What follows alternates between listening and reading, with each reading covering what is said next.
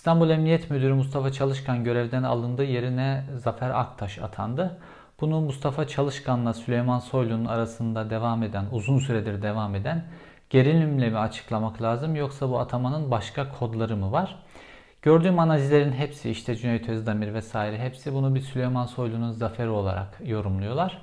Ama aslında öyle değil konu. Bu sefer konunun doğrudan Süleyman Soylu ile Mustafa Çalışkan arasındaki gerilimle ilgisi yok. AKP-MHP bloğunun vites arttırmaya ihtiyaçları var ve Mustafa Çalışkan bu vites arttırmaya uygun bir İstanbul Emniyet Müdürü değildi.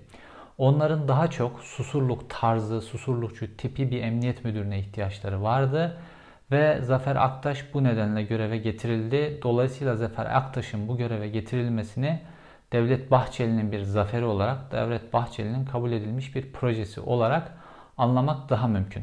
Şimdi konunun detaylarına gelelim. Mustafa Çalışkan neden gitti? Zafer Aktaş neden geldi? Zafer Aktaş nasıl birisidir? Bildiğiniz gibi Mustafa Çalışkan'la Süleyman Soylu arasında bir gerilim vardı. Bunu bir video yapmıştım. Hatta Mustafa Çalışkan Süleyman Soylu'nun Silivri Emniyet Müdürü'ne baskı yaptığı için bir kişinin serbest bırakılması, gözaltından serbest bırakılması için baskı yaptığı için Mustafa Çalışkan emri altında çalıştığı Süleyman Soylu ile ilgili tutanak tutması için Silivri Emniyet Müdürü'ne talimat vermişti. İşler bu noktaya kadar gelmişti. İşte Süleyman Soylu'nun oğlu e, İstanbul'da durdurulup e, aracı aranmıştı vesaire. Gerilimleri büyüktü. Süleyman Soylu da defalarca Mustafa Çalışkan'ı görevden aldırmaya çalıştı. Fakat bunların hepsi Tayyip Erdoğan duvarından döndü. Neden? Mustafa Çalışkan'ın iki önemli yönü var Tayyip Erdoğan açısından. Birincisi 17-25 Aralık yolsuzluk operasyonlarından sonra Mustafa Çalışkan derhal terörle mücadele e, şube müdürlüğüne getirilmişti İstanbul'da. Ve işte e, bildiğimiz bu terörle mücadele şube müdürlüğünün kapsamındaki bütün dosyaları kapattılar. İşte Ergenekon dosyasının kapatılması, e, Selam Tevhid dosyasının kapatılması, Taşiye dosyasının kapatılması gibi süreçler hep Mustafa Çalışkan döneminde oldu. Ayrıca 17-25 Aralık dosyasının kapatılmasında da Mustafa Çalışkan İstanbul Emniyetindeki önemli parçalardan birisiydi. Bu nedenle Tayyip Erdoğan açısından önemli. İkinci önemi 15 Temmuz sürecindeki 15 Temmuz gecesindeki tavrı itibariyle Tayyip Erdoğan için Mustafa Çalışkan bir kahramandı ve onun tam istediği gibi davranmıştı. Dolayısıyla Mustafa Çalışkan'ı hep tuttu. Fakat ne oldu da onun için bu kadar önemli bir isim, onun için böyle en kritik iki süreçte böyle mücadele etmiş bir ismi Tayyip Erdoğan yedi. Hem de üstelik bugüne kadar İstanbul Emniyet Müdürleri görevden alındıklarında ya da değiştirildiklerinde vali yapılırlar. İşte bir ile vali olurlardı ve vali olarak emekli olurlar genelde. Fakat Mustafa Çalışkan e, Emniyet Genel Müdür Yardımcısı yapıldı. Yani bildiğiniz işte imza işleri yapan bir noktaya çekildi. Ne oldu bu acele neydi? Bu acelenin sebebi şu. E, Tayyip Erdoğan İstanbul seçimlerini kaybetti. Ekrem İmamoğlu İstanbul seçimlerini kaybedince Tayyip Erdoğan biliyorsunuz seçimi tekrar yeniletti, asıldı vesaire kendi bildiği yöntemlerle. Fakat bu yöntemlerin hiçbirisiyle olmadı. Ve işte son anketlerde de görüyoruz ki AKP-MHP bloğunun oyları %40'lı rakamlara ikisi birlikte %40'lı rakamlara gerilemiş durumdalar. Ve mevcut Cumhurbaşkanlığı sisteminde bu bloğun bütün uyumuna rağmen tekrar iktidara gelmesi mümkün değil. Ve yine şunu görüyoruz ki e, önümüzdeki seçimlerde e, tıpkı son yerel seçimlerde olduğu gibi HDP özellikle metropollerde kilit konumda. Bunu HDP'lilerin kendileri de söylüyorlar. Ve HDP'nin bu kilit konumunun değiştirilmesi lazım. HDP'nin bu kilit konumu kaybettirilirse, başta İstanbul olmak üzere metropollerde, o zaman AKP, MHP bloğu çok önemli bir avantaj elde edecekler. Bunun için bunu yapacak bir isim lazımdı İstanbul'da. Normalde Tayyip Erdoğan e, seçimi kaybettiği illerde bürokratlara varana kadar il başkanları vesaire değiştirir. Fakat İstanbul özel bir konumdaydı. Ee, ve İstanbul'da şimdi yeni gelen emniyet müdürü e, özellikle HDP'nin terörize edilmesinde rol alabilecek, HDP'nin terörize edilmesiyle ilgili eylemlere gözünü kapatabilecek tarzda derin devlette çalışmaya alışık bir isim, susurlukçu diyebileceğimiz bir isim. Bu isim Mustafa Çalışkan e, her ne kadar İstanbul Emniyetinde yapılan işkencelere vesaire 15 Temmuz süresinden sonra göz yumduğu Tayyip Erdoğan'ın işte üzerinin kapatılması istenen dosyaları kapatsa da Mustafa Çalışkan işte Birleşmiş Milletler polis gücünde iki kere görev yapmış.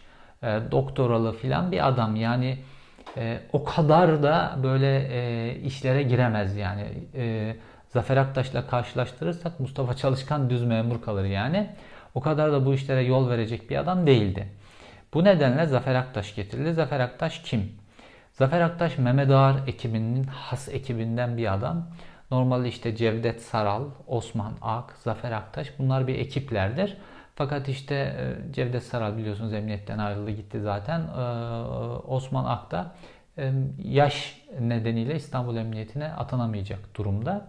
Fakat Zafer Aktaş daha genç ve bu ekip içerisinde de daha genç olan isimdi. Bu ekip 28 Şubat'ın Şubat'ın Şahin isimlerinden. O 28 Şubat'ta bugün 28 Şubat mağduruyuz diyen milli görüşçülere operasyonları yapan ve e, dindar kesime operasyonları yapan ekip bunlardı. Ve e, fakat bu ekip başka illegal işlere de karışmıştı. İşte bu susurluk tarzı işlere karışmışlardı.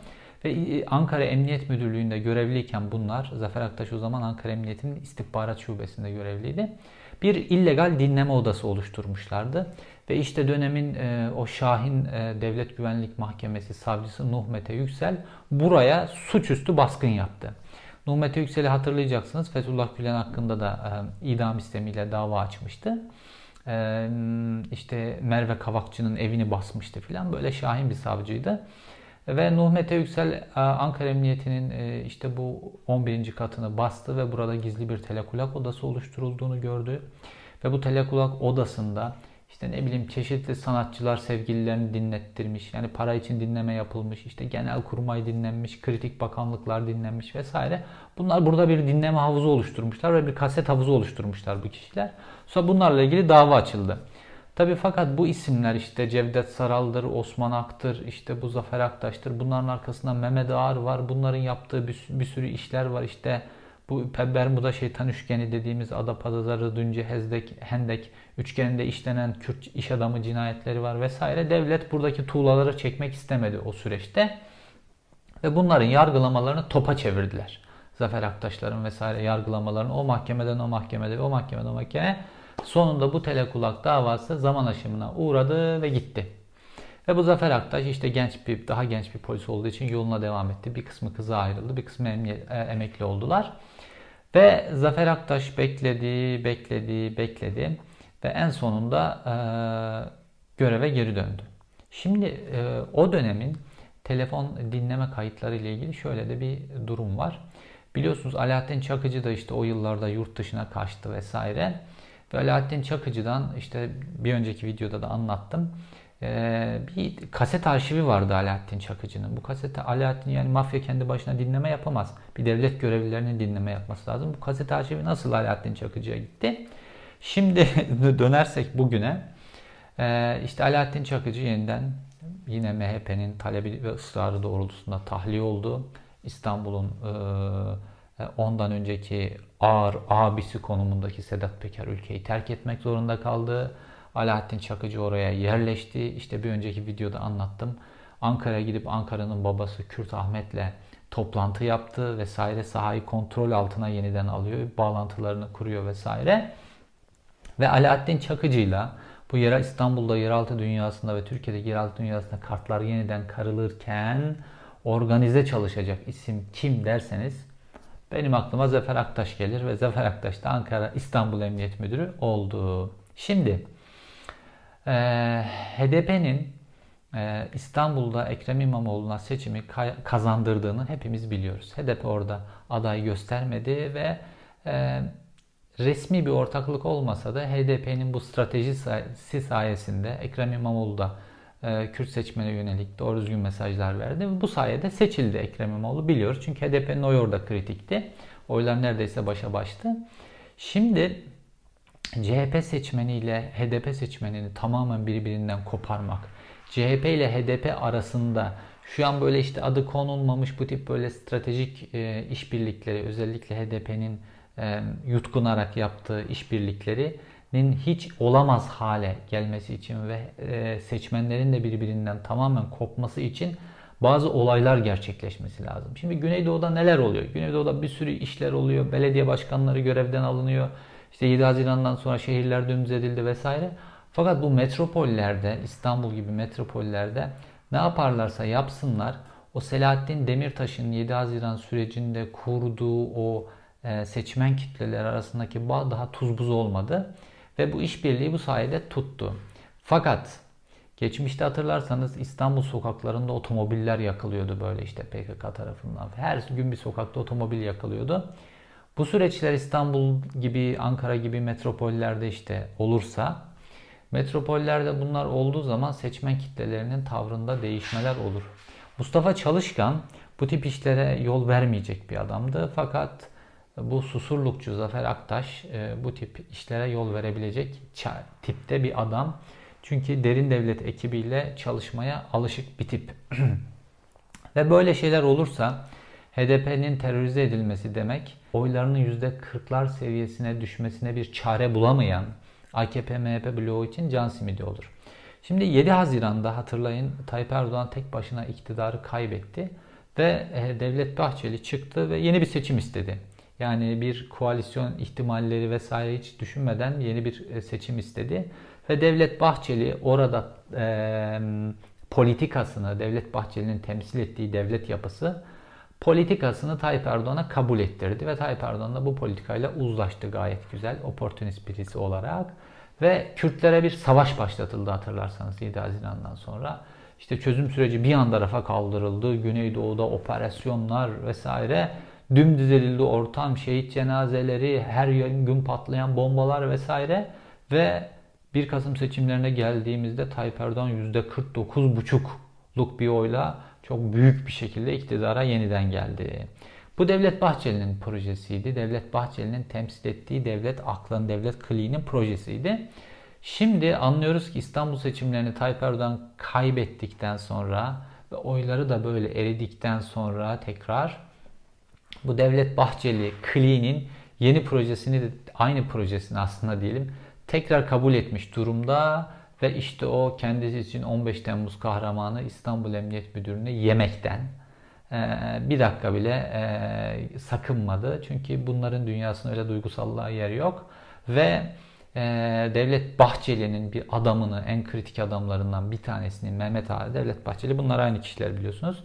Adamını getirip İstanbul Emniyet Müdürlüğü'ne koydu. E, konunun Süleyman Soylu'yla çok e, alakası bu sebeple yok. Yani Süleyman Soylu bu oyunda böyle çok küçük bir figür kalır. Yani bu babaların arasında çok küçük bir figür kalır. Yani Süleyman Soylu'yu yarın bir şekilde anlaşırlar. İşte biliyorsunuz Berat Albayrak'la kavgaları var. Süleyman Soylu'yu görevden de alabilir Tayyip Erdoğan. Fakat işte bu Bahçeli ağır ekibi emniyette kalmaya devam edecek. Çünkü her operasyon, her atama sürecinde, her kararnamede bu ekip yerini güçlendiriyor. Ee, ülkücü siyaset, milliyetçi siyaset Türkiye'de her zaman çok güçlü olmuştur. Çünkü devletin e, partisidir yani bu. Hep desteklerler. Ve e, bu ülkücü siyasetin merkez sağda çeşitli partilerde temsilcileri olmuştur. Mesela e, DYP'de, ANAP'ta, işte Adalet Kalkınma Partisi'nde, şu an hatta Davutoğlu'nun vesaire partisinde de ülkücü tipler var. İşte Mehmet Ağar da bu merkez sağdaki tiplerden bir tanesiydi. İşte Adalet ve Kalkınma Partisi içinde Süleyman Soylu'yu getirmiş durumdalar. Bu değişebilir de. Fakat ekipler önemli ve bu ekiplerin zembereğini tutan isimler işte Devlet Bahçeli ve Süleyman Devlet Bahçeli ve Mehmet Ağar'dır.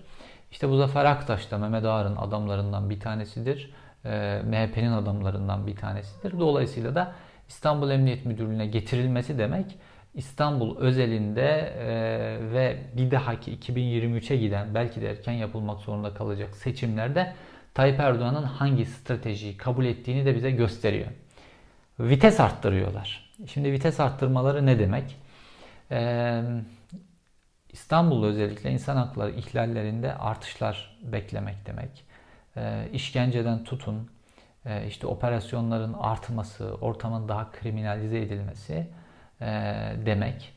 Çünkü e, yani böyle kaçırma, götürme, adam kaldırma, yakma, yıkma işlerinde ee, böyle halkı tahrik edecek şeyler yaparsanız, e, kitleleri tahrik ederseniz çok, e, halkın nerede nasıl duracağı, ne yapacağı çok belli olmaz, kontrol edemezsiniz. Fakat bu işlerde mafyayı kullanırsanız, Onlara ne kadar yak yık dersen o kadar yakar yıkarlar. Ne kadar zarar ver insanlara dersen o kadar zarar verirler.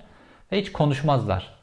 Şimdi İstanbul sokaklarında işte 90'lı yıllarda, 80'li yıllarda bu işleri çok yapmış e, Abdullah e, Alaaddin Çakıcı artık egemen olmuş durumda. Ve onunla da çalışmaktan hiç çekinmeyecek bir İstanbul Emniyet Müdürü göreve gelmiş durumda. Birbirleriyle gayet paslaşabilecek durumdalar. Bu süreçte PKK da şiddetini arttırabilir. İşte 7 Haziran sürecinde PKK'nın da nelere karıştığını vesaire gördük. Ee, oradaki bütün o yükselen şiddet ortamı Tayyip Erdoğan'a iktidarı armağan etti. Şimdi e, vites yükseltti dedik iktidar bloğu. Zafer Aktaş'ın e, atanması, Zafer Aktaş'ın İstanbul Emniyet Müdürü olması, Alaaddin Çakıcıların yeniden sokağa dönmesi bunların hepsinin birlikte okunması gereken e, işler olduğunu düşünüyorum. Ve bunların hepsinin neticesinde AKP, MHP bloğu iktidarda kalmaya mahkumlar işledikleri bugüne kadarki suçlar nedeniyle ve bunun içinde yapmayacakları şey yok. E, maalesef e, şu anki tablo bu son atamalar gerek e, 40 ilin valisinin değişmesi gerekse emniyette yapılan son atamalar e, Türkiye açısından iç açıcı bir tablo değil. Türkiye yeniden 90'lardaki 80'lerdeki kodlarına dönüyor. E, Zafer Aktaş'ın ataması da Türkiye'nin yeniden susurlukçu kadroların yükselişinin en önemli sinyallerinden birisi olarak okunmalı.